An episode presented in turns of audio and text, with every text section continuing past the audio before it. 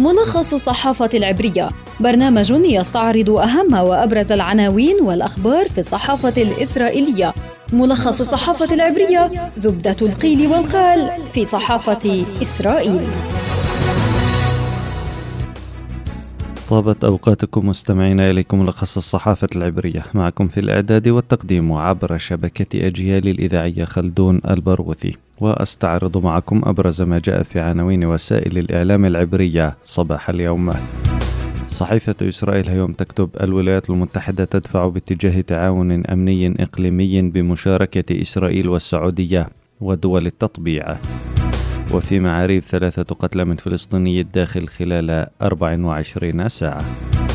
هآرتس تعنون 141 شاهدا استدعوا في قضية مقتل العشرات من الحريدين في جبل ميرون.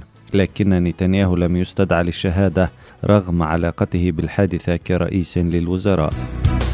في يدات أحرنوت الإسرائيليون يواصلون السفر إلى تركيا رغم تحذيرات لكنهم يحاولون تجنب الظهور. في موقع والله نفتلي بنت يقول إن إسرائيل ستعمل في كل مكان في العالم للحفاظ على أمن مواطنيها.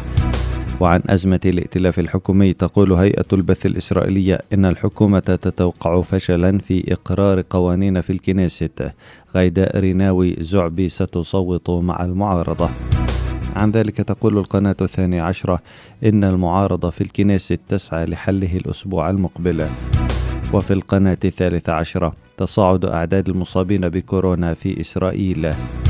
قالت القناة الثانية عشرة إن المعارضة في الكنيست بزعامة بنيامين نتنياهو تسعى إلى الدفع باتجاه حل الكنيست خلال أسبوع. وقد تقدم المعارضة مشروع قانون لحل الكنيست الأربعاء المقبل لكنها تخشى الفشل في تمرير القانون بالقراءة التمهيدية. بسبب عدم ضمان الحصول على أغلبية. وتراهن المعارضة على تصويت عضو الكنيست عن يمين نير أوربخ إلى جانب حل الكنيست. ويبدو أن أوربخ في الطريق إلى الانشقاق عن الائتلاف الحكومي لذلك قد يصوت لصالح حل الكنيست. ويتركز الشك لدى الليكود من موقف أوربخ في أنه لا يريد أن يؤدي التصويت على حل الكنيست إلى تسليم رئاسة الحكومة إلى يائير لبيد. حسب ما ينص الاتفاق الائتلافي بين لبيد وبنته لذلك فإن أوربخ قد يصوت لصالح حل الكنيست بالقراءة التمهيدية. لكنه بعد ذلك سيمنح الكنيست فرصة تشكيل حكومة من الكنيست نفسه قد يقودها نتنياهو بدل الذهاب إلى خيار انتخابات جديدة.